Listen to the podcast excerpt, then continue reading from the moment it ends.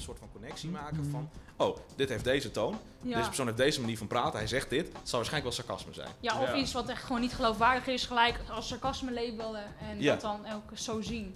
Precies, dat Ja. is het inderdaad. Ja, en dan geloof ik het pas niet meer. Pas als ik het heel vaak heb gehoord en allemaal manieren, dan, ja, dat is wat je al zegt. dan begint inderdaad het proces op start te komen dat je denkt van ja, Ja. nu begrijp ik hoe het in elkaar Dus zit. letterlijk nu, sarcasme is mijn humor. Dat is gewoon letterlijk Ja, humor geworden. Ja. Grappig. Dat is wel leuk dat je dat dan ook uiteindelijk verder kan gebruiken. Om dat Ja. dan zeg maar te ontwikkelen tot iets anders. Hè? Klopt. Dat is heel leuk. Ja, daar, dat, daar zijn autisten ook weer heel goed in. Dat is, er zijn ook heel veel autisten, dat zijn geweldige comedians. Want die weten precies alle kneepjes van het vak. Want die zijn heel gefocust op de details van hoe werkt humor. Ja. Dus die kunnen geweldig inspelen op wat mensen verwachten. Ja. En eh, vaak zijn de beste ondernemers zijn ook vaak autisten. Elon Musk heeft laatst laten weten dat hij Asperger heeft. ja. Dat heeft hij nooit eerder verteld. Dus dat, was ook wel, dat verbaasde me niks trouwens, hoor, moet ik je heel eerlijk zeggen. En iemand die zei ooit tegen mij van ja, zonder autisten hadden we nu nog in een soort van hol geleefd met knuppeltjes en eh berenvelletjes en Ja, eh, weet ik veel wat allemaal, weet je wel. Dus eh, dat is toch wel heel interessant om te horen allemaal. We zijn eigenlijk al begonnen, of niet? Ja, ik denk het wel.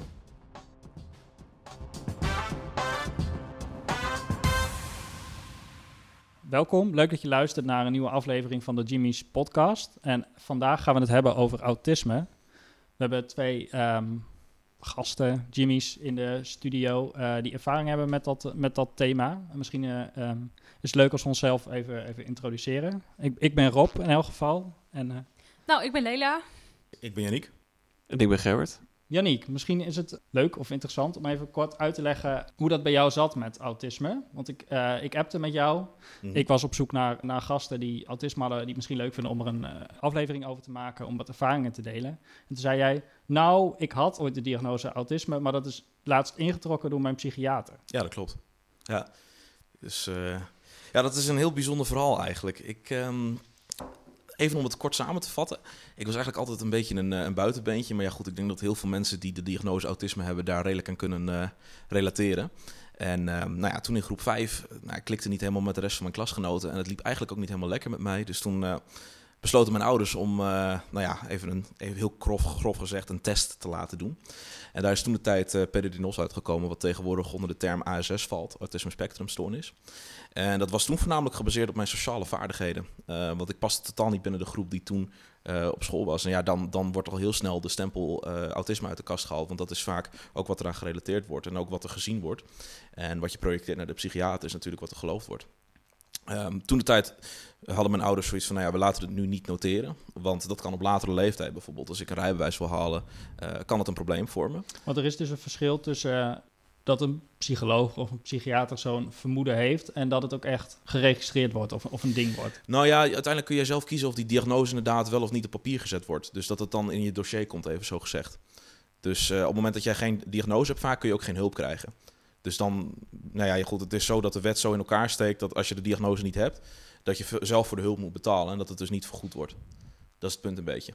Dus eh, het is inderdaad zo dat je uiteindelijk zelf kan kiezen van wil ik deze diagnose op papier laten zetten of niet. Maar zodra je dat doet en je zegt ja, dan staat het ook in je dossier. Ja. Ja. En, eh, oh, Wat, wat voor negatieve gevolgen had het kunnen hebben dan voor jou? nou, in eerste instantie hielp het me vooral. Ehm, maar ik heb bijvoorbeeld toen ik mijn rijbewijs ging halen, moest ik een eh, extra test doen bij een psycholoog. En dan gaat hij allemaal vragen stellen van gaat het wel goed met je of dat soort dingen. Dat ik denk van ja. Ik, ik hoor Ja. ook wel eens, zo'n test is dan best wel een wassen neus en het slaat eigenlijk. Ja, ik heb echt 10 minuten met hem moeten praten. Dat heeft me 150 euro gekost. Ja, En toen uiteindelijk moest ik nog een rijtest doen bij het CBR. En pas daarna, nadat ik iets van 4, 5 maanden verder was, kon ik mijn rijexamen doen. en je bent er veel beter door gaan rijden. Nee, Nee, nee, nee, nee, hè? totaal niet. Ik heb niet het idee dat het mij ook bij wat geholpen heeft. Ik bedoel, als ik vragen krijg van gaat het wel goed met je, gebruik je drugs, dan denk ik ja, eh, dat zouden ze beter aan iedereen kunnen vragen in zo'n geval als je het mij vraagt. Ja, Dat zijn gewoon standaard vragen die de examinator zelf kan stellen. en eh Leila, hoe ging dat bij jou met een diagnose? Nou, ehm, toen ik dus drie jaar oud was, toen eh, merkten mijn moeder en mijn vader eigenlijk van... hé, hey, haar ontwikkeling gaat veel slomer dan bij andere kinderen van haar leeftijd. Ze loopt eigenlijk heel laat, eh, ze praat heel laat en ze eet eigenlijk helemaal niks. Ze lust helemaal niks. Dus toen gingen ze naar de huisarts en ja, ook een test gedaan, diagnose... Ik weet niet meer hoe dat is gegaan, want ik was drie. Maar ja, sinds ik drie ben, is die diagnose nooit meer ingetrokken. En werd het ook steeds duidelijker eh, hoe ik autisme had. En eh, was het ook veel eh, zichtbaarder dat ik autisme had. Ook kwamen er veel meer kenmerken bij, ook in mijn gedrag. En ging het eigenlijk nooit weg. Ja, Want het klinkt veel, ehm, het klinkt anders dan wat Janiek had bijvoorbeeld. Ja, Dat is er best wel, best wel een, een wijde range aan Ja. eigenlijk, of valt dat wel mee? Ja, autisme is heel breed. Eh, het is heel lastig voor mij, want ik pas eigenlijk nooit echt in een bepaald hokje van eh, waar heel veel mensen met autisme wel onder vallen. En dan lees je verhalen over vrouwen in de twintig die erachter komen en dat ze autisme hebben. En dat ze altijd al een buitenbeentje hadden gevoeld en dat ze er dan achter komen. Nou, ik kwam er toen ik drie was achter, maar ik kan mezelf echt niet in een bepaald hokje plaatsen van oké, ik heb PDD-NOS, ik gedraag me zo en dit en dat. Nee. Nee, want je hebt heel vaak eh, mensen met ADHD die zijn druk. Dat, denken, dat denkt iedereen, maar niet iedereen met ADHD is druk. Sommigen die keren ook in zichzelf. En ik heb dan PDD-NOS. Maar eh, ik eh, ben heel erg goed in het camoufleren van mijn autisme. En mensen zien dus ook vaak niet dat ik autisme heb. Omdat het meer in mijn hoofd zit. Ja. En wat voor reacties geven ze dan als ze er wel ineens achter... Nou, ze zeggen heel vaak van, huh, jij, heb jij autisme? Dat had ik helemaal niet verwacht. Maar ja, autisme heeft eigenlijk helemaal geen uiterlijk. Niet altijd, in ieder geval. Soms kan je het niet aan iemand merken, omdat diegene zo erg veel heeft geobserveerd van hoe doen anderen dit, waar lachen anderen om, dat ze gewoon precies weten hoe ze moeten reageren, zodat het niet opvalt. Nee. Hoe weet ik? Jij? Ja, wat wat ik heel erg heb gemerkt is dat er ook een beetje een stereotype hangt aan het woord autisme. Klopt, ja. Als mensen het woord autisme horen, dan denken ze heel vaak aan zo'n kerel die heel erg in zichzelf gekeerd is, totaal geen sociale vaardigheden bezit. Ehm, terwijl het heet niet voor niks autisme spectrumstoornis, is, omdat het een spectrum is. Het is niet iemand is een autist, dus hij heeft dit en dit en dat. Nee, terwijl voor je idee in, in films of in boeken wordt het best specifiek afgebeeld. Je hebt Rain Man. Ik, ik las Ja. ooit op de middelbare school een boek, The Curious Incident of the Dog in the Nighttime. Geen Mhm. idee of de mensen die het kennen, maar Ik heb er niet van gehoord. het ging Ik ook over niet. een, een, een Engelse jongen en die eh zal dan als Asperger hebben, maar ook wel een redelijk zware vorm. En hij, en hij hechtte dan echt heel veel waarde aan dat er bijvoorbeeld drie gele auto's achter elkaar eh, op een dag door de straat rijden, want dan zou het die dag een goede dag worden of zo. Ja, precies Dus dat, is, soort dat, dingen. ja, precies, dat schept een heel raar beeld. Van, Of Ja, altijd meltdowns hebben en altijd, eh, ja, altijd je kut voelen, altijd meltdowns hebben, altijd paniekaanvallen hebben. Nou, ik heb dat bijna nooit. Ja, er wordt ook heel vaak gedaan alsof autisten een heel erg eh, narrow wereldbeeld hebben. Dus alsof zij heel erg zijn gefocust op hun eigen dingen.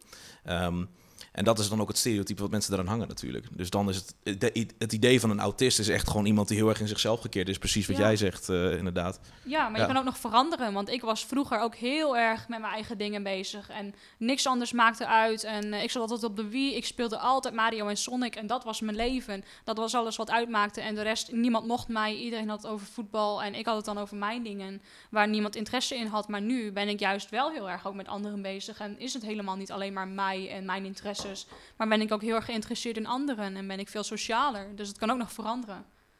Tot welke leeftijd had je dat dan? Eh, er zit niet echt een bepaald, bepaalde leeftijd aan, maar ongeveer toen ik 12 was, toen deed ik de Wii weg. Want toen kwam de Wii U en de 3DS en toen kon ik het niet meer betalen. Ah, Dus ja, toen gamede ik niet meer en toen moest ik een andere interesse vinden. En ja, op een of andere manier kon ik dat niet echt vinden. En toen ging ik meer ook een soort van de beide wereld in op den duur. Ga eens kijken wat anderen leuk vinden. Ja, Ja. eigenlijk wel. En hoe heb je zelf die tijd ervaren dan? Want je zegt dat je dan niet veel con- sociale contacten had. Hoe was dat voor jou? Heel erg zwaar, want eh, ik heb wel echt eh, heel alleen gevoeld. Nog steeds wel voel ik me wel eens alleen. En eh, als er dan één ding is wat een vriend of vriendin fout zou doen, dan is het gelijk mijn hele vibe, mijn hele mood met diegene is gelijk kapot. En dan moet ik zoveel werk doen om in mijn hoofd een ander beeld over die persoon te vormen van hoe dat daarvoor was. En dan moet ik heel erg mijn best doen om het niet als heel zwaar te zien wat diegene heeft gedaan. En dan moet ik mijn jaloezie niet als de waarheid zien. En sociale contacten opbouwen gaat op zich wel goed. Alleen als ik al in mijn hoofd een, negatief, eh, een negatieve invulling over iemand heb, dan is dat al heel snel waarheid. Van, oh, diegene mag me vast niet. Of eh, niemand mag mij hier. En eh, oh, ik zit nu weer alleen. Zie je nou wel dat niemand je mag? Maar zelfs gaat het soms wel goed. Dus het is niet altijd zo. En het is ook wel echt vooruit gegaan. Sinds ik bij Jimmy's ben gekomen, heb ik wel echt geleerd hoe ik met mezelf moet omgaan en ook met anderen. Zijn mijn sociale skills heel erg vooruit gegaan. En heb ik ook niet echt vooroordelen van, oh, elk kind wat een Nike schoenen draagt is een pestkop. Want ja, ik ben zeven jaar gepest, dus dan krijg je als autist nog wel eens een stereotype beeld over juist de buitenwereld zonder autisme. Dus dat heb ik wel eh, heel erg ervaren dat dat niet zo waar is. Dat mijn stereotype beeld over anderen niet waar is en dat er wel mensen zijn die me mogen. En daar ben ik nu heel erg in vooruit gegaan. Met dat ik wel gemogen word en dat ik wel sociale contacten kan opbouwen. Ja. Mooi. Ja. Nice. Had je er echt, dat je echt merkte dat, dat anderen je niet begrepen of je gewoon... Ja, zeker. Ik zat eh, op mijn MBO, zat ik zeg maar eh, het eerste jaar van mijn MBO. Ik zit nu niet meer op MBO, maar toen ik daar toen op zat, toen ik vertelde dat ik autisme had, zag ik sommigen al gewoon terugdeinzen van, oh, die heeft autisme. Oh. Dus eh, dat is heel pijnlijk eigenlijk, dat ze dan denken van, oh, dat is iemand die geen sociale vaardigheden heeft, dat is iemand die niks kan. Maar juist omdat je dan ook gewoon eh, zo wordt gezien, blijf je ook waar je bent en ga je niet vooruit. Want als mensen je zo gaan zien, ook al ben je ook zo, als mensen je zo niet gaan zien, dan kan je ook vooruit gaan. Dan is er kans op vooruitgang. Maar als mensen je gaan zien als, oh, jij kan dit niet, oh, ga maar naar een niveau lager op het MBO, want jij hebt autisme of jij hebt deze symptomen, daardoor kan je het niet. Juist als mensen zo tegen je gaan praten, gelooft iemand met autisme dat ook veel sneller dat het ook waarheid is. En dat, zo is mijn waarheid ook heel erg snel gegaan dat ik ook uh, op een lager niveau op VMBO ging. Want mijn uh, niveau op de toets was uh, VWO. En ik ging naar het VMBO, naar kader TL. Dus ze hebben mij op veel lager niveau geplaatst, alleen maar door mijn autisme. Ja. En als dat niet was gebeurd, en als mensen in mij hadden geloofd en ook hadden gedacht van iemand met autisme, die kan het wel, dan had ik ook kans op vooruitgang gehad. En is dat stereotype misschien heel anders gegaan voor veel mensen. Het wordt gewoon je eigen zelfbeeld. Misschien. Ja, eigenlijk wel. Ja. Alles wat iedereen zegt, uh, neem je als een spons op. Ja, heb jij, uh, had jij voor jezelf het idee van, oh, ik ben uh, autistisch, Janiek? Nou ja, op dat moment ga je het zeker geloven. Um, toen mijn moeder toen niet besloot die diagnose te vast te stellen, maar toen is het om mijn dertiende wel gedaan, omdat we toen naar de jeugd GGZ gingen en toen moest ik wel. Dus ik had geen keus meer. Uh, maar ga je er heel erg in geloven en je gaat er ook naar acteren, heb ik het idee. Dus op het moment dat jij leest online, een autist hoort dit te doen, of een autist is zo, of iemand Ja. die vertelt je dat, en het systeem is zo erop ingericht dat mensen die autisme hebben iets niet kunnen, Ja. dan ga je inderdaad heel erg snel ervan uit dat je het ook niet kan, dus je probeert het ook niet. Maar Eh, het, het, het precies. klinkt eigenlijk een beetje hetzelfde als wanneer ik op, eh, op ziekte zou gaan googlen. Dat ik eigenlijk ook wel eigenschappen van zo'n ziekte in mezelf zou herkennen. ik had heel lang de overtuiging dat ik gewoon niet een sociaal persoon was. Ik dacht echt, ik ga nooit veel vrienden krijgen, want dat kan ik niet. Dat werd mij letterlijk verteld. Dus van ja, Mhm. jij zult nooit heel veel vrienden krijgen. Jij gaat vrienden vinden die bij jou passen. Ja, Terwijl ik nu een hele grote vriendenkring heb, dat ik denk van ja, waar zijn die voorspellingen dan gebleven, zogenaamd? ja, Ja, precies. Weet je wel? Die zijn nooit waargekomen. dus Ja. ja, ik, ik, dan denk ik ook van ja, als je iemand vertelt, je bent niet sociaal, dan gaan ze er ook naar acteren. Dus eigenlijk echt gewoon wel letterlijk die sticker op je geplakt. Ja, Ja, ook docenten die altijd maar zeggen van... Oh Lela, komt het niet door je autisme dat je dit of dit of dat doet? ja Dan precies denk ik, waarom dat. Ja, moet alles door mijn autisme komen? Dat kan toch ook mijn persoonlijkheid zijn? Zo bekend. Ja, precies. Zo Ja. bekend. Ja. Ja. Oké. Ja, maar ik ging er op een moment ook zelf in geloven. Want ik ging op een moment naar docenten toe. Ik zeg, nou, ik heb last van PDD-NOS. Dus het kan zijn dat ik dit en dit niet kan. Ja, zeker. Ja. Ja. ik ook. Dus de- dat is dan zeg maar ook eh, ja, het gedrag wat je gaat vertonen. Omdat dat je verteld wordt. Klopt. Je Maar, ja. ehm, waarom stapte je dan op, op docenten af? Was dat dan om, om je alvast in te dekken? Of omdat je er misschien voordeel uit kon halen? Of hoe, hoe- Nou, meerdere dingen inderdaad indekken ten eerste. Ik had bijvoorbeeld heel veel last van overprikkeling. Ik had in eh, de derde klas had ik een hele drukke klas. En ik liep nog wel eens de klas uit, omdat ik gewoon helemaal strontziek werd van al dat geschreeuw en gezeik. En dat ik dacht van jongens, hou gewoon alsjeblieft je mond dicht. Ik probeer Ja. op te letten. Maar ja, de rest, die is veel meer met zichzelf bezig en veel meer met de groep. En dat is iets wat ik niet leuk vind. En dan wou ik heel graag duidelijk maken aan de docent van ja, als ik zo meteen wegloop, weet dat het niet is omdat ik boos ben of zo. Weet dat het gewoon is omdat mijn hoofd vol zit. En Ja. ik op dat moment niet verder kan. Dat is bijvoorbeeld één ding wat ik deed, gewoon preventie als het ware. Ja. Ja.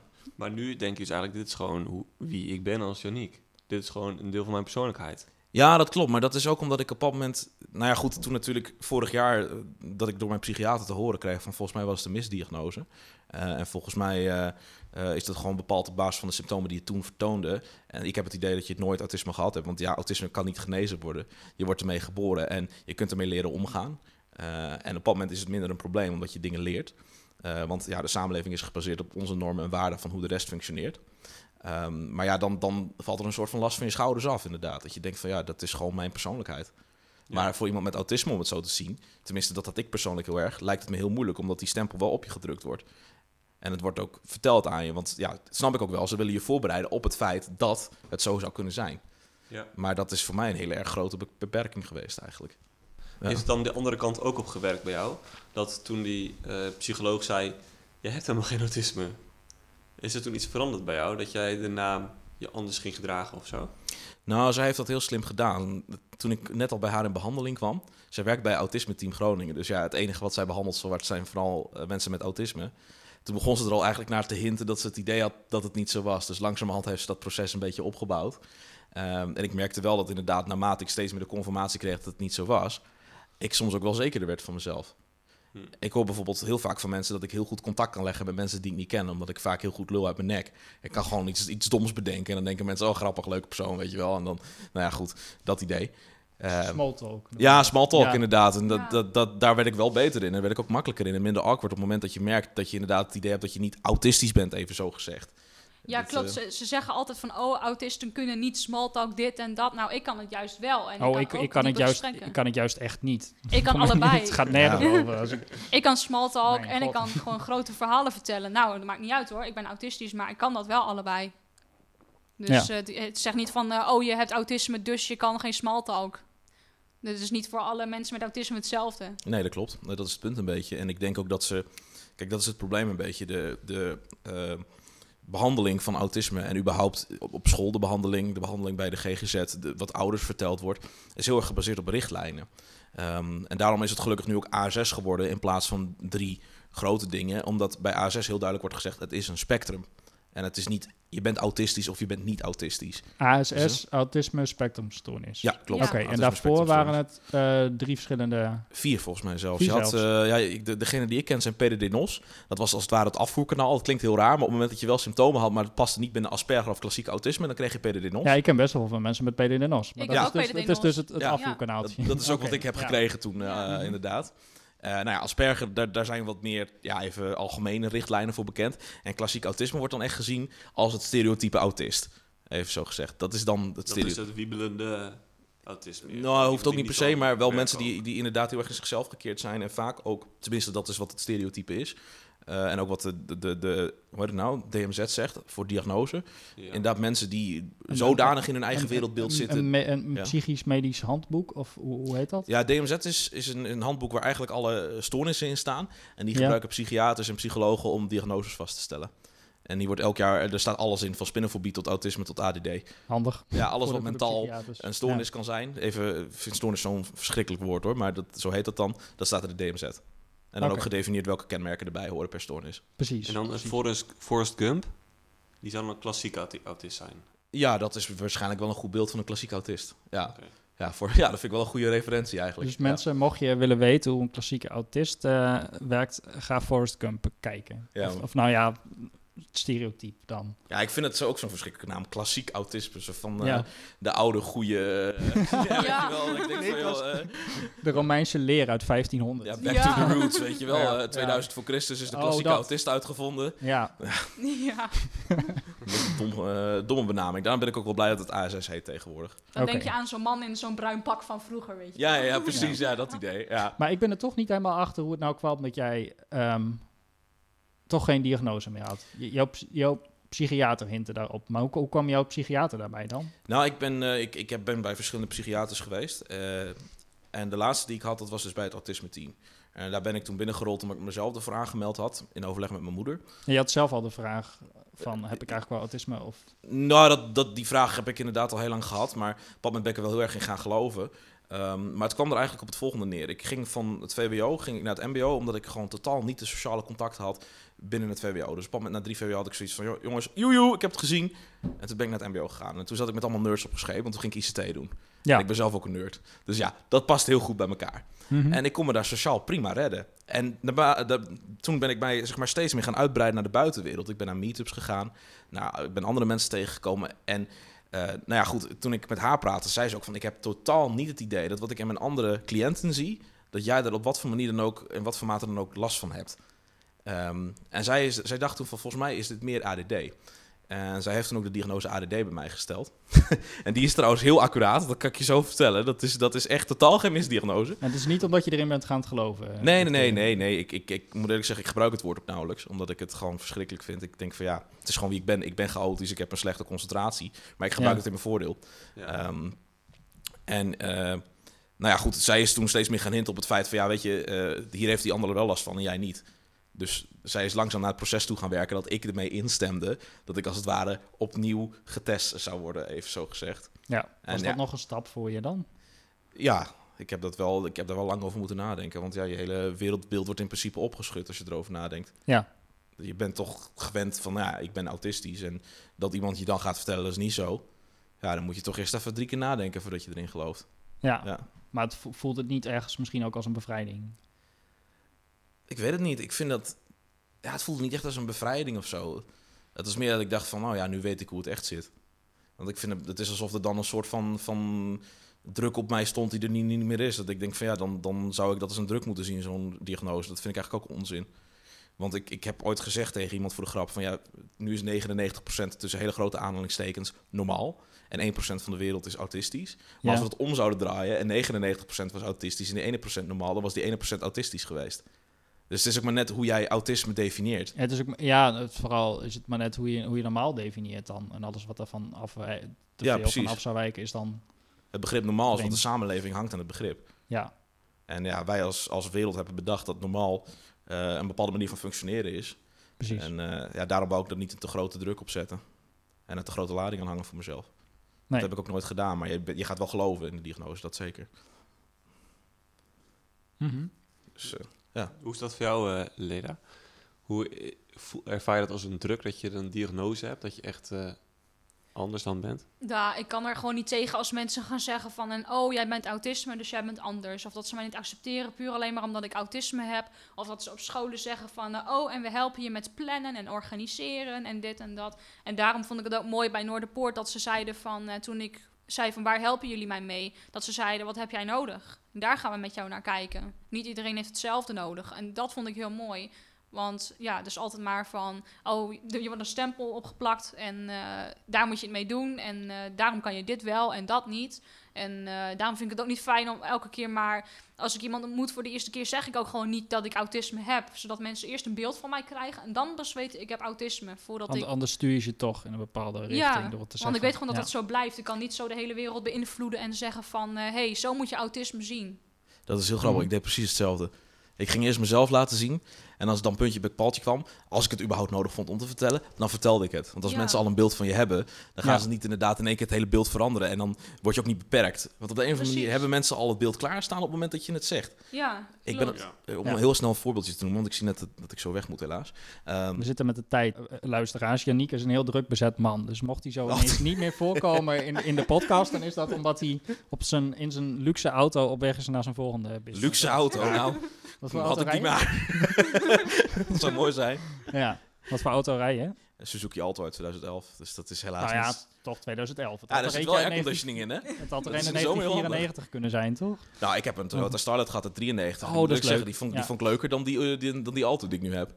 Dus eh, op dat gebied Oké, eh, rijd ik liever een oude auto. Maar goed, Ja, ja. we waren gebleven net. Eh, we hadden het over eh, dat ik eerst mezelf... eh, Ja, dat je eerst jezelf introduceert voordat je zegt van ik heb autisme, zodat het beeld van anderen niet verandert voordat ze je kennen. Ja, klopt. Ja, een heel snel voorbeeldje. Op dat moment ging ik social work studeren en dan heb je intervisiegroepjes. En dan ga je met z'n allen ga je praten over jezelf, ehm, over wat je wil bereiken, ehm, allemaal van dat soort dingen. Dus dat is als het ware een soort van mini-therapie met je medestudenten. En er is dan een ouderejaars die leidt dat.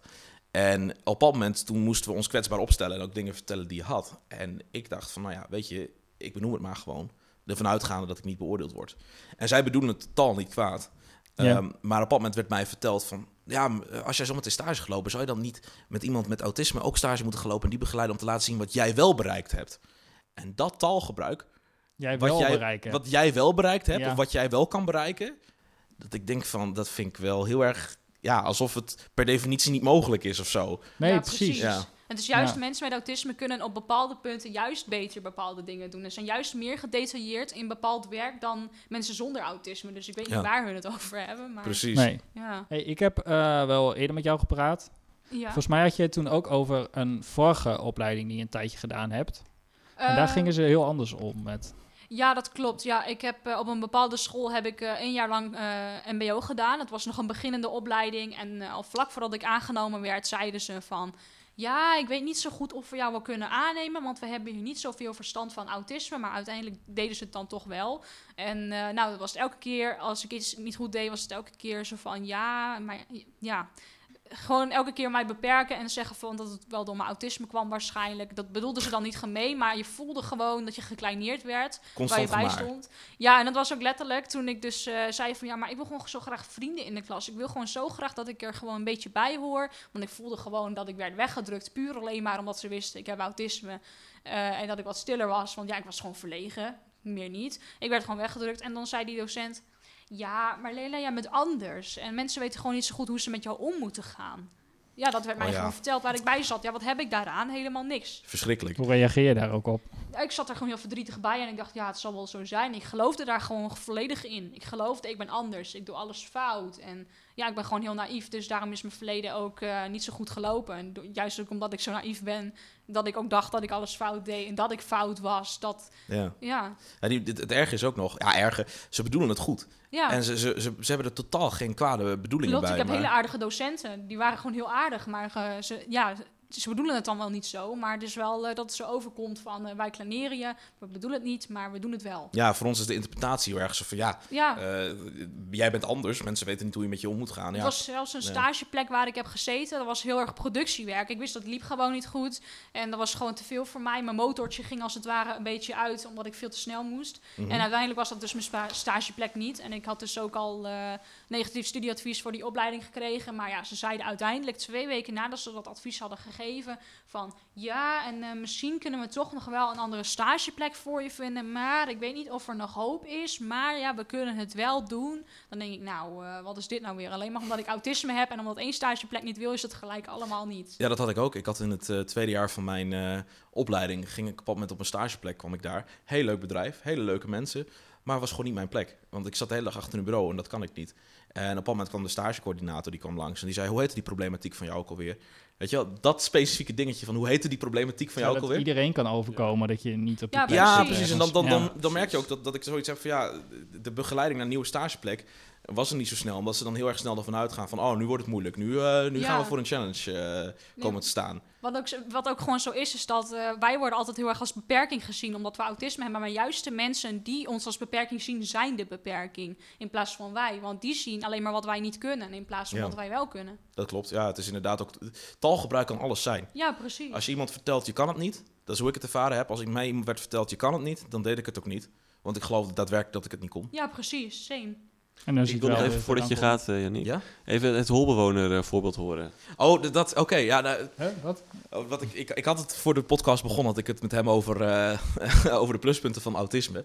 En ik zei erin dat autisten die eh, hebben een heel ander wereldbeeld. Dus die kijken heel anders naar dingen. Om een kort voorbeeld te geven, bijvoorbeeld voor een autist om sarcasme te begrijpen. De meeste mensen die horen sarcasme en die voelen aan van, oh, dit is niet, niet echt, het is sarcastisch.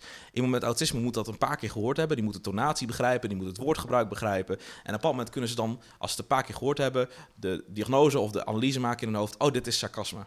En bijvoorbeeld, er zijn heel veel comedians die zijn heel goed in de details van eh, comedy, waardoor ze heel goed zijn. En dat zijn dus autisten, omdat zij tot alle details van, van humor hebben ze geanalyseerd en bedacht. En ze weten dat, dat precies. dat weet je of dat denk je? Dat nou, dat is wat ze zijn. zeggen zelf. Oké. En eh, ik vind autisten vaak ook heel grappig. Ja, dat hangt vanaf wie inderdaad. Maar dat is, Nou, dankjewel. Het, het is, kijk, ik, Ja. ik heb heel erg het idee, maar dat is mijn analyse inderdaad, dat, dat eh, de comedians die autisme hebben, dat dat vaak mensen zijn die gewoon heel erg goed weten wat ze moeten zeggen, omdat ze het heel goed geanalyseerd hebben. En dat is pure logica in hun hoofd. En om dan te komen op het holbewoner voorbeeld. ehm, ik heb, tenminste dat denk ik, eh, ik heb heel vaak gezien dat de, de beste ondernemers, quote-unquote, dat zijn mensen die zich heel goed kunnen focussen op het onderwerp wat zij interessant vinden. Dus echte details. Elon Musk heeft bijvoorbeeld laatst bekendgemaakt dat hij Asperger heeft. En mijn moeder die zei ooit van ja, zonder autisten hadden we nu nog in een eh, eh, een soort van ja, grot geleefd als holbewoners met een eh, berenvelletje en stonden we nog te jagen, zeg- zo gezegd. En daarom ben jij nu zo'n succesvolle ondernemer met je... Nee, helemaal geen succesvol ondernemer. Oké. ik, vind, oh, verschrik- ik, ik kan er zo slecht tegen als mensen dat tegen mij zeggen. hè. Ik weet niet waarom. Ik vind ondernemer zo'n groot Ja, woord. Oké, dankjewel. Alsjeblieft. Daar moet ik er helaas vandoor nu. Dus eh, Misschien kan, kan je iets vertellen, dat, dat vind ik wel heel, heel interessant en ook wel een lastige vraag. Maar ehm, je hebt dus autisme. Ja. Eh, merk je daar zelf ook iets van dat je echt ook anders werkt dan eh, de gemiddelde persoon dan? Gewoon in hoe je een opdracht aanpakt, bijvoorbeeld. Ja, ja, zeker wel. Ja, ik heb heel veel dat ik eh, hele unieke ideeën heb altijd. En eh, dat altijd mensen zeggen van, oh, daar had ik nog helemaal niet aan gedacht. En dat ik een bepaalde passie met bepaalde dingen heb. Bijvoorbeeld dat ik door mijn ouders heel erg heb geleerd hoe ik financieel heel erg eh, onafhankelijk kan... Ja, onafhankelijk. Dat ik gewoon heel erg in de supermarkt kan letten op deals. En dat ik gewoon heel erg milieubewust ben en alles. En de meeste van mijn leeftijd zijn dat helemaal niet. En ik ben daar zo bewust mee bezig. En dat is een soort van passie voor mij geworden. Een soort van wedstrijdje. Van, eh, van wat is het meest milieubewust, wat is het meest eh, bijvoorbeeld tweedehands kleding en eh, gewoon groente uit de supermarkt en vlees uit de supermarkt voor de goedkoopste prijs halen. Gewoon omdat ik dat heb geleerd en omdat het een soort van passie voor me is. Ja, dat zie ik niet heel veel mensen doen eigenlijk. En ik heb Nee. ook vrienden met autisme, die zijn precies net als mij. Dat vind ik heel leuk om te zien dat ik mezelf terugzie in hun. En dat ik echt bijna geen mensen zie die eigenlijk dat op die manier doen. Herken je ook wel dingen van jezelf terug in eh, mensen die geen autisme hebben? Eh, ja, bijvoorbeeld eh, dat ik heel erg. Ja, ik vind het wel heel leuk om eh, kleding samen te stellen en eh, om er leuk bij te lopen. En dat, is, ja, dat soort dingen wel een beetje. En ja, heel, heel veel mensen met autisme. Ik vond het vroeger ook heel lastig om er leuk bij te lopen, om aan de mode mee te doen. Om dat een beetje. ja, echt leuk te krijgen als hoe je dat wil, zeg maar. En ik heb dat nu wel geleerd en nu vind ik dat heel leuk om te doen. En ik zie veel jeugd dat ook doen. Dus ja, dat is wel iets waar ik mee overeenkom eigenlijk. Ja, je bepaalt het ook een beetje zelf eigenlijk. Wat je, Ja, dat je klopt leuk wel. vindt, toch? En het is ook qua ehm, hoe ijverig ik eigenlijk ben. Het is heel vaak dat ik hoor van mensen met autisme die kunnen zich niet concentreren en dit en dat. Maar ik ben heel ijverig. En eh, heel veel mensen van mijn leeftijd die geen autisme hebben, die zie ik heel vaak gewoon kloten. En die gaan gewoon een beetje drinken. En die gaan een beetje overal heen en een beetje chillen met elkaar. En, eh, Maar niet, ja. niet concentreren, zei je? Ik had altijd het beeld dat er autisten best wel op kunnen gaan in één onderwerp. Dat klopt inderdaad, maar bij mij is het heel erg, ook vroeger was dat zo, dat ik in een bepaald onderwerp wat ik interessant vond, daar ging ik heel erg in op. Maar als ik iets niet leuk vind, dan ga ik er juist helemaal niet in op. En dan ben ik juist van, nee, dat kan ik niet, dat doe ik niet. En eh, dat is nog steeds wel een beetje zo met rekenen en eh, wiskunde. Dat ik dan heel erg zo ben van, nee, en dat kan ik niet. En ik heb er geen moed voor, ik ben te lui en dat kan ik niet. Maar als ik iets wel leuk vind, maar of, of ik wil het heel graag dat ik het kan. Bijvoorbeeld wiskunde wou ik een tijdje graag, wou ik heel graag mijn best doen heb ik ook echt heel erg mijn best gedaan. En als ik dus iets heel graag wil, dan ga ik er ook echt voor. Dus ik ben heel gefocust en heel gedreven om ook echt het, iets te doen eh, wat ik heel graag wil. Het een of het ander eigenlijk. Ja, eigenlijk wel. Oké. Ja. En wat ik ook wel, waar ik overeenkom in mensen met niet-autisme, mensen met geen autisme, is dat ik best wel flexibel ben eigenlijk. Ik ga niet helemaal in een meltdown of helemaal eh, in de stress schieten als iets niet loopt zoals ik wil. Nou ja, nee, want eh, dat weten de luisteraars natuurlijk niet. Maar deze podcast is best wel last minute nog opgenomen.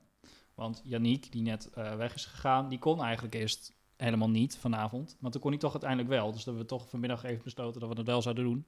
En ik dacht, oh shit, zou Leila dit niet verschrikkelijk vinden? Lela, sorry, ik was net aan het twijfelen of ik het geef niet. goed uitsprak. Nee, oké, dank je.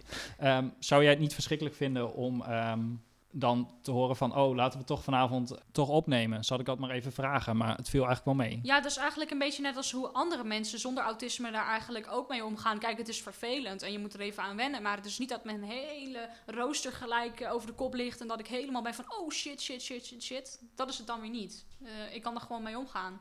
En eh, hoe, hoe hebben jouw eh, autistische vrienden en vriendinnen dat ook?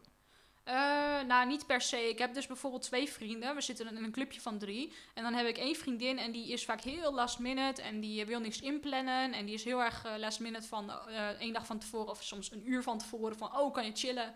En een andere vriendin van mij, die heeft dus autisme. Die andere niet. Die is dan heel erg zo van, Ja. ja, maar kom er alsjeblieft een keer wat eerder mee. En dan kan ik erop rekenen dat ik met jou kan chillen. Dan kan ik een dag inplannen en dan weten we dat. En eh, ja, dan kan ik heel erg zien dat mijn vriendin met autisme daar ook soms wel moeite mee heeft. Om eh, zeg maar niet iets ingepland van tevoren te hebben. En dat het gewoon bam ineens gebeurt. En daar heb ik soms ook wel moeite mee. Maar ik kan er wel mee dealen, zeg maar. Het is niet dat ik eh, helemaal over de kop ervan ben. Ja, maar stel je voor, ik heb een heel druk rooster en een heel druk iets. En dan gaat iets niet door. Ja, dan vind ik het vervelend. Wat, wat gebeurt er dan bij jou als je dat vervelend vindt? Eh, nou, dan ben ik een beetje overprikkeld en dan ga ik nadenken, oh, hoe gaat mijn dag er nu uitzien en eh, wat ga ik nu doen in plaats van die podcast. Bijvoorbeeld eerst zou ik donderdag doorgaan en dan weer niet. En toen dacht ik, ja, oh shit, het gaat niet door, nu heb ik niks te doen vanavond. Maar eh, toen ging het ineens wel, dus toen dacht ik, oh yes, ik laat het gewoon doorgaan. Ook al is het last minute, nou, ik doe het Je gewoon. was eigenlijk wel blij dat het Ja. wel doorging. Ja, Oké, ik dus, dus, dus het vervelende kwam eerder al. Ja. Terwijl ik het helemaal niet door had. Nee, ik- ja. Ja, aha. Hoe vind jij het dan zo om te horen dat Yannick, die nu weg is, dat hij de diagnose heeft gehad en dan daarna niet meer had? Waar, waar, eh, hoe vind je dat? Eh, ja, ik heb daar niet echt een mening over, denk ik. Ik denk dat het gewoon zo is dat, eh, dat het best wel vaag is eigenlijk. Dat het niet gewoon in één keer uit een test kan komen of die wel of geen autisme heeft. En dat het gewoon kan blijven staan. En dat het gewoon zo vaag is of hij nou weet of hij nou autisme heeft of of hij het nou niet heeft. Ja. Ja, Want Ik, ik zat net nog wat te, te denken.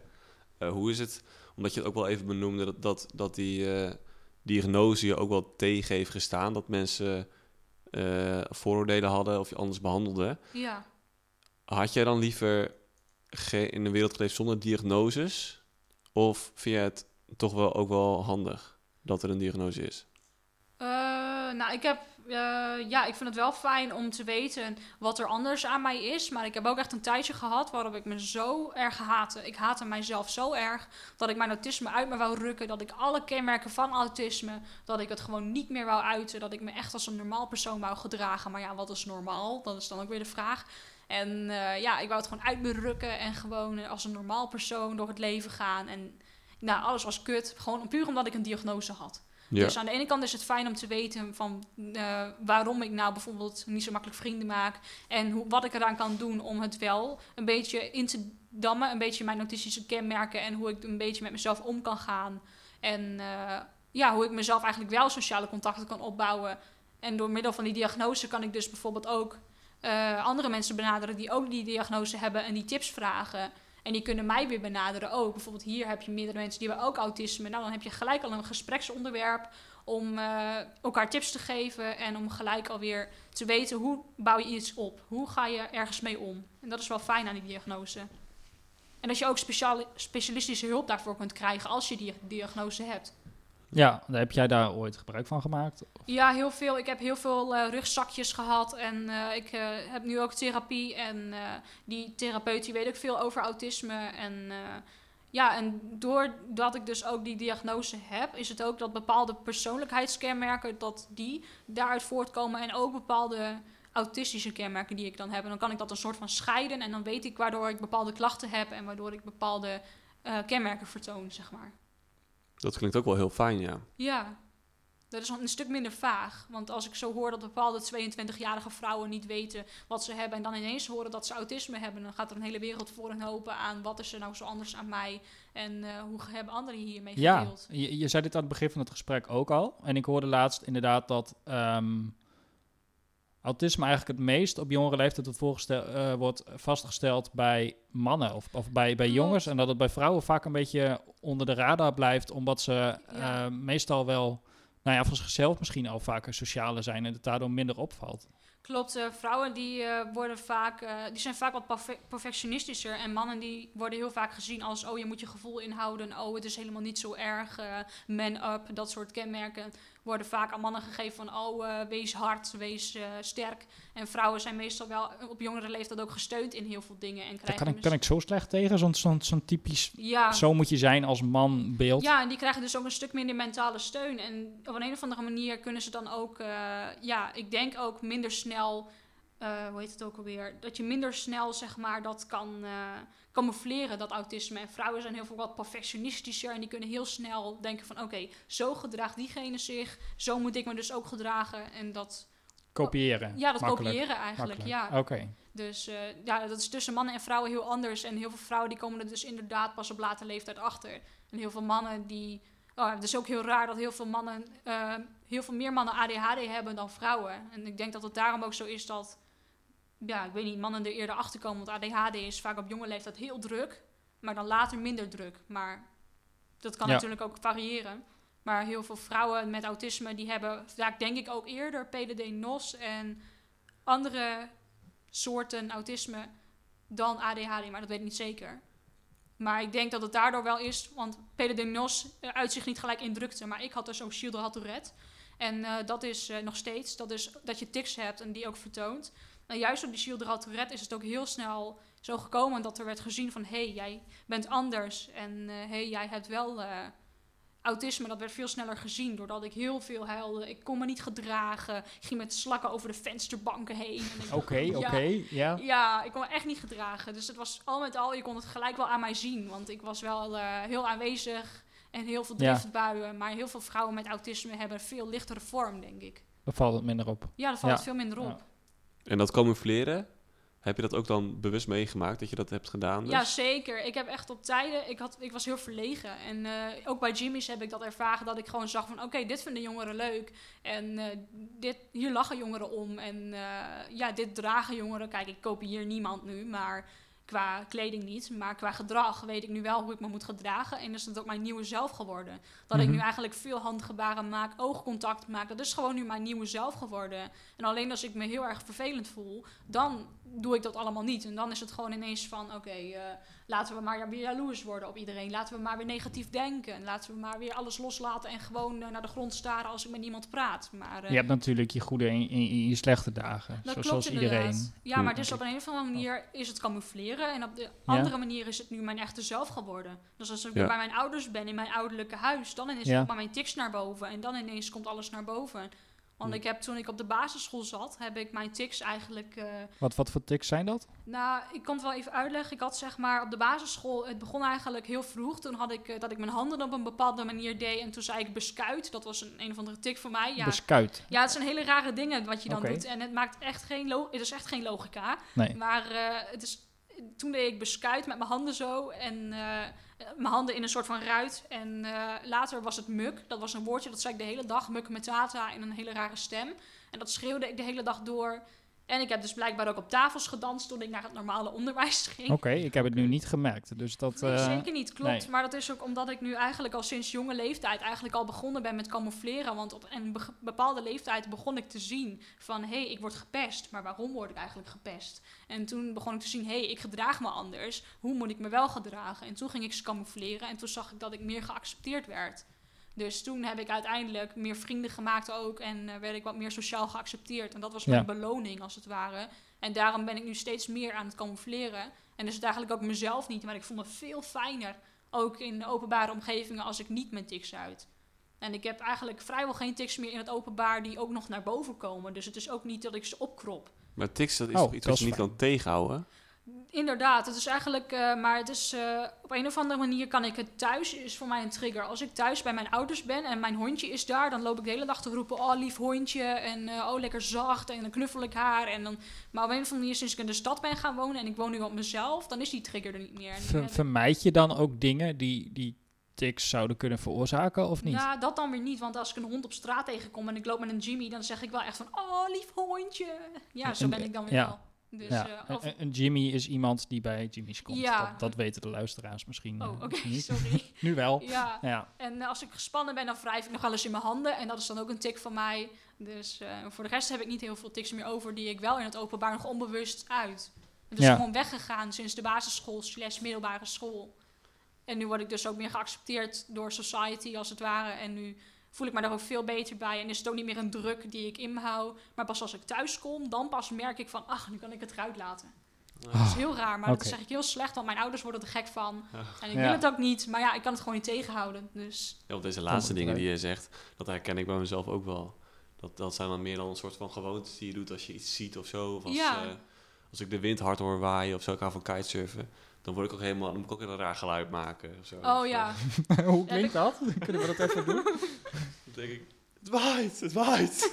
dan doe ik mijn hand zo omhoog. Oh ja. Oké, hij doe deed zijn hand omhoog, dames en heren. Ja. Ja. En nou als Ja. een magnetron piept, dan doe ik piep, piep. piep. Je Dan- doet hem na. Ja, ik doe hem na. Oké, ik zit te denken, ik zing thuis onder de douche, maar dat is gewoon...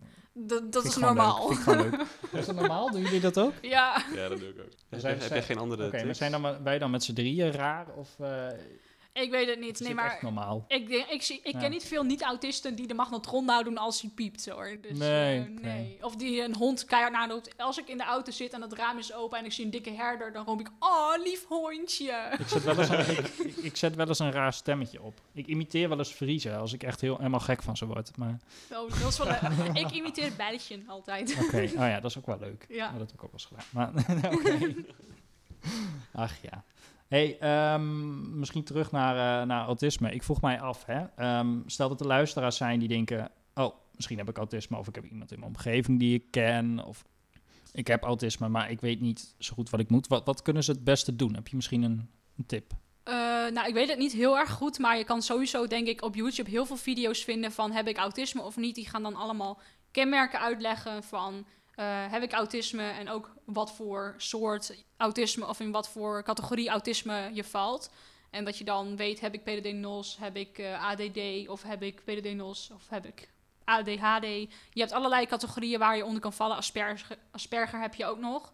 Dus ja, ik heb op YouTube heel veel gevonden. En anders kan je sowieso denk ik ook bij heel veel hulpinstanties wel aankloppen. Maar ik denk dat het eerst handig is om op te zoeken op YouTube naar heel veel toplijstjes van top 10 kenmerken van autisme. Of heb ik autisme of niet? Check het hier. Maar je moet dan misschien ook niet... Misschien leuk om eens te kijken, maar misschien ook niet te zwaar aan tillen. Nee, dat klopt inderdaad. Ik til overal wel heel zwaar aan. Dat is ook wel een kenmerk van mijn autisme. Maar als iets negatief is of als iets zo is, dan eh, geloof ik er ook helemaal heilig in. Dus eh, ja, je hoeft er ook niet heel zwaar aan te tillen. Als je niet heel veel last hebt in je dagelijkse leven van je autisme, dan is het ook niet heel erg nodig om daar helemaal aan te gaan verdiepen. Want er zijn ook mensen die niet. Eh, bijvoorbeeld, ik heb een vriendin en zij had eh, heel erg vroeg al eh, diagnose autisme gekregen. Maar het is laatst weer ingetrokken, net als bij. Oh, ja, oké. Het ja. gebeurt vaker. Ik dacht, dit is best wel uniek. Of, ja, nou nee, ik denk het niet. Maar die, vriend, die vriendin van mij die heeft dus wel een paar autistische trekjes. En die komt ook wel op zich als een autistisch iemand over. Want die heeft heel veel dingen die zij op een bepaalde manier bekijkt. Wat ik ook bij mezelf terugzie heel erg. En niet in heel veel mensen. En zij ziet dingen op een unieke manier, et cetera, et cetera. Maar dat betekent niet gelijk van... eh, zij heeft autisme, bam, eh, hier is je het stempel. En eh, dat hoeft ook niet per se. Als je er niet per se heel veel last van hebt... dan is het niet echt nodig om een hele stempel op jezelf te plakken. Precies, dus dat Ja. is eigenlijk ook wel een goede tip. Zolang, Ja. het, zolang het voor jezelf in elk geval... Ja, eh, kijk, als, het een, eh, als een eh, stempel je heel veel last op zou leveren en je zou denken van, ach, ik heb autisme, dat is weer een last erbij, dan zou ik het niet doen. Maar als je zou denken, dat brengt mij veel duidelijkheid en dan kan ik ook zien wat voor kenmerken er nog meer bij autisme horen en kan ik zien of die ook bij mij passen en kan ik daarin relaten, dan is dat heel erg mooi. Dus het is echt hoe je er zelf maar naar kijkt. Ik kan dus Ja. ook laten testen en dan niet laten opschrijven als het ware. Dus dan zegt zij van ja, je hebt autisme. Ik weet niet of dat kan. Ik weet niet of ja, dan... Jan, Jannik had dat aan het begin gedaan, toch? Ja. Ja, maar dat was 15 jaar geleden of Ja. zo. Ja, Ik weet niet of dat kan. Eh, ik eh, liet me ook niet. testen toen ik drie was, dus... eh, altijd goed om even na te vragen, Ja. denk ik. Oké, ja. eh, Heb je nog vragen voor ons? Ja, doe dat eens. Oeh, ja, eh, Mag alles zijn, trouwens. Even denken, ja, hoe zien jullie eh, iemand met autisme? Of hebben jullie er een bepaald beeld bij als iemand vertelt, eh, ik heb autisme, wat denken jullie dan? Nou, voordat ik naar dit gesprek ging, was ik bij eh, Stefan, een jongere van, of ja, een vriend van mij eigenlijk, van, die kende via Jimmy's aan het eten. En hij heeft PDNOS, dus meestal denk ik dan daaraan, of, of aan een andere vriend van mij die ook Oh, ja. PDNOS heeft. Maar ehm, ja, nee, dan denk ik eigenlijk niet aan echt iets speciaals of iets, iets, iets heel, heel anders. Ja, Of ja, misschien een beetje awkward in sociale situaties. Oh, of, ja. of, en eh, in sommige gevallen een beetje, een beetje lastig met, met veranderingen, maar ik denk niet aan hele zware dingen. Oh ja, en jij dan Gerbert? Ehm, ja, ik ken wel verschillende mensen die ook autisme hebben. En eigenlijk hebben ze allemaal, zij zeggen wel heel erg anders. Dus dan weet ik ook niet eh, van tevoren van, eh, oh ja, dit is precies een autist. Ja, Natuurlijk zijn er wel vaak overeenkomsten. Bijvoorbeeld Ja. inderdaad dat plannen of dat spontane dan eh, lastig kunnen doen. En ook inderdaad sociaal soms wat anders. Maar ook wel een beetje grappig. Ook gewoon wat Janiek zei over dat eh, grappige. Ja, Dat, eh, dat herken ik wel heel erg. Van een, van- ja, precies. Of een hele andere kijk op. eh, Gewoon meer zelfspot vaak. Of eh, gewoon dingen inderdaad eh, heel sarcastisch, heel overdreven sarcastisch zeggen of zo. Dat soort ja. dingen. ja. Daar ga ik vaak wel helemaal stuk om. Of eh, Stefan bijvoorbeeld, die heeft zich helemaal gestort op, eh, op eh, Koreaans leren. dat ik denk, wat is het praktisch nut daarvan? Maar op zich leuk Ja. dat je het probeert. ja, zo ben ik ook. ja. ja, ja. ja. En eh, ik had nog een vraag, zeg maar, wat, wat voor positieve kenmerken zien jullie heel vaak in iemand met autisme? Ik, ik, ik zie altijd wel heel veel positieve kenmerken erin.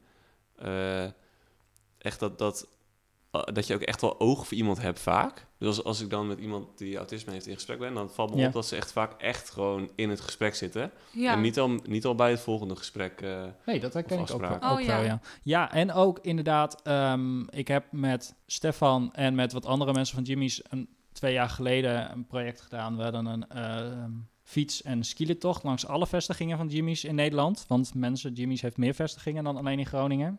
En ik merkte wel dat vooral de anderen met wie ik in het project hadden, dat die best wel andere prioriteiten hadden ook eh, bijvoorbeeld wel. En, de, en de, de, de, niet altijd, of er minder vol voor gingen in elk geval dan, dan, dan Stefan.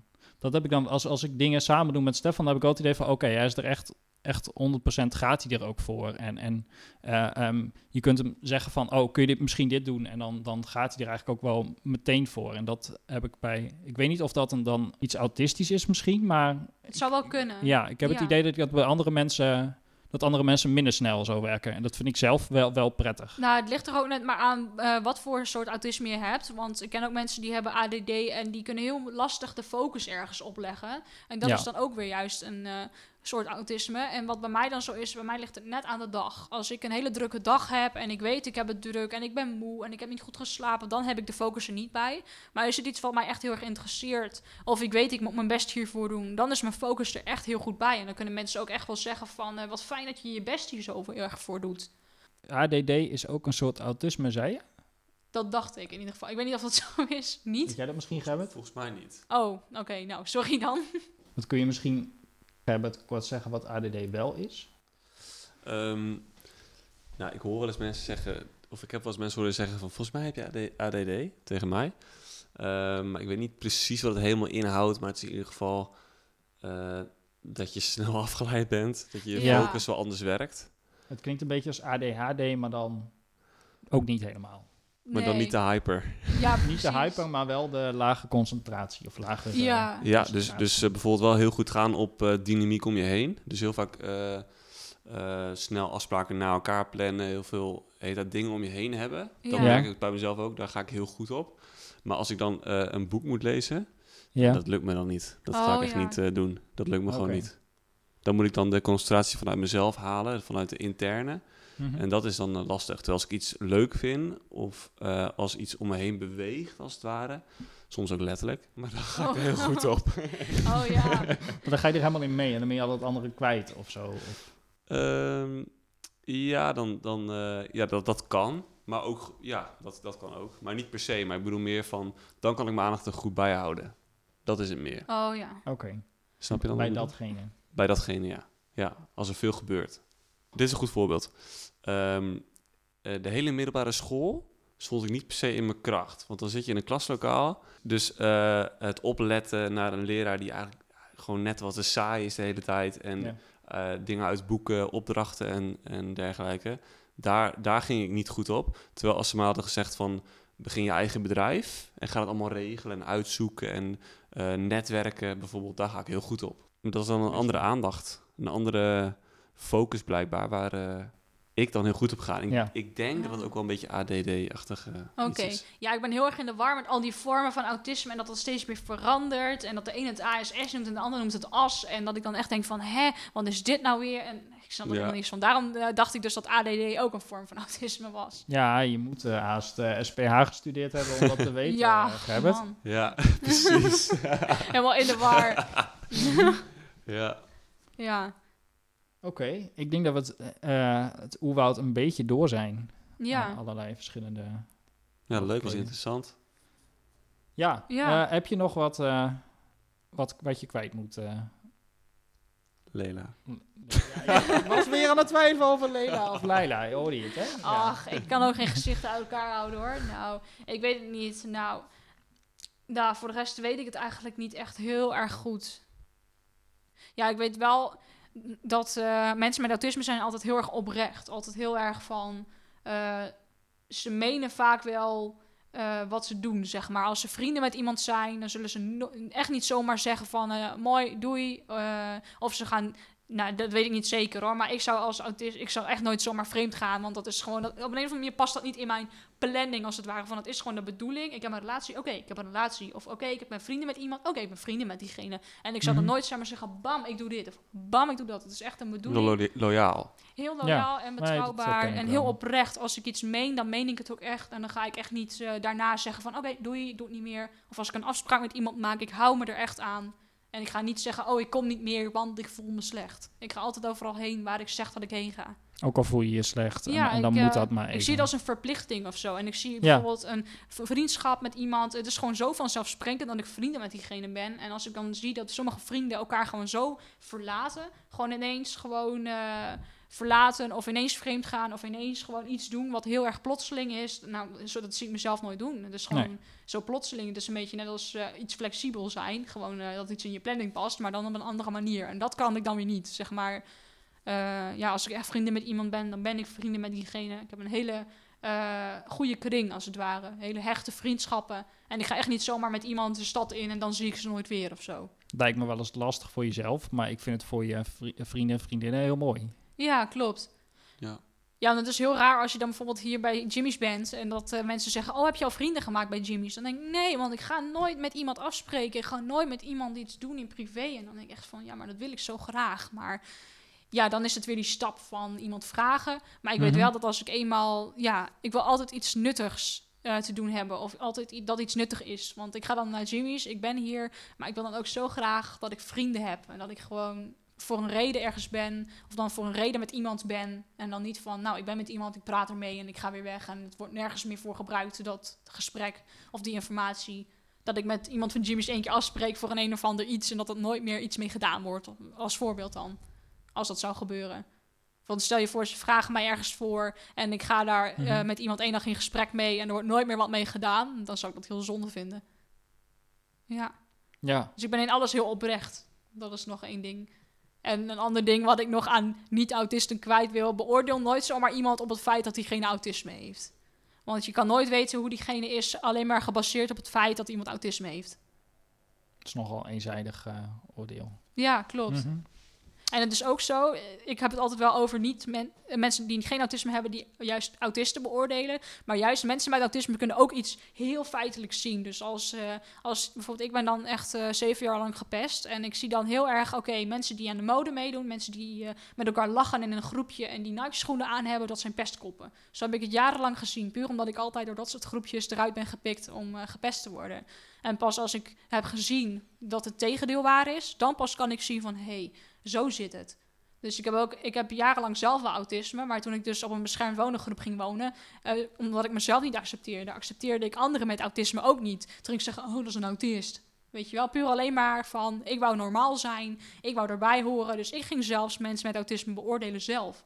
Dus iemand met autisme kan het zelfs zo feitelijk zien en juist anderen beoordelen. Zelfs zo kan het nog zitten, dus het is allemaal heel complex. Oké, Ja, ja. Nou, eh, dat. ja nou dat, ja.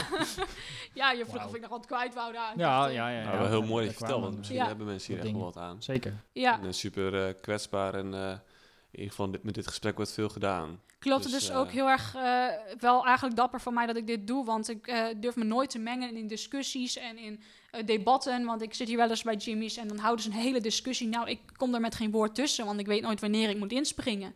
Dat is dan weer zo'n autistisch kenmerk waar ik me heel erg aan kan ergeren. Zo van, ja, wanneer moet ik nou in? En als Ja. ik me dan stilhoud en denk van, nou, laat ook allemaal maar. Dan zeggen ze, nou, wat wou je zeggen? En dat is het moment er eigenlijk al over. Ja, precies. En dan Ja. is het onderwerp weer voorbij Nou. en dan denk je, ja, shit. Daar zijn deze podcasts eh, voor. Ja, Ja. Dus luisteraar, mocht je ook een onderwerp willen indienen, mocht je ergens mee zitten eh, denken, misschien kunnen anderen er heel goed over praten, want ik durf het zelf niet. Maar ik wil het wel aanleveren, dat kan. Stuur ons een eh, berichtje. Blijf luisteren, misschien komt het vanzelf een keer langs. Oké, en luister onze oude podcasts die er al op staan. doe dat. Ja. Besteed een hele zaterdag aan ons. Vinden we leuk. het kan inmiddels wel. Maar, ja. Oké, Nice. dankjewel Ja. eh Lela en dankjewel. eh Nou, ook Gerrit. bedankt. Ja. Zeg ik het nou weer verkeerd? Ik weet het niet eens. Ik heb het niet eens meegekregen. Oh, mooi. Dankjewel. Lela. Oké, super. Ik moet denken aan het liedje. Oh, Eric- Eric Clapton?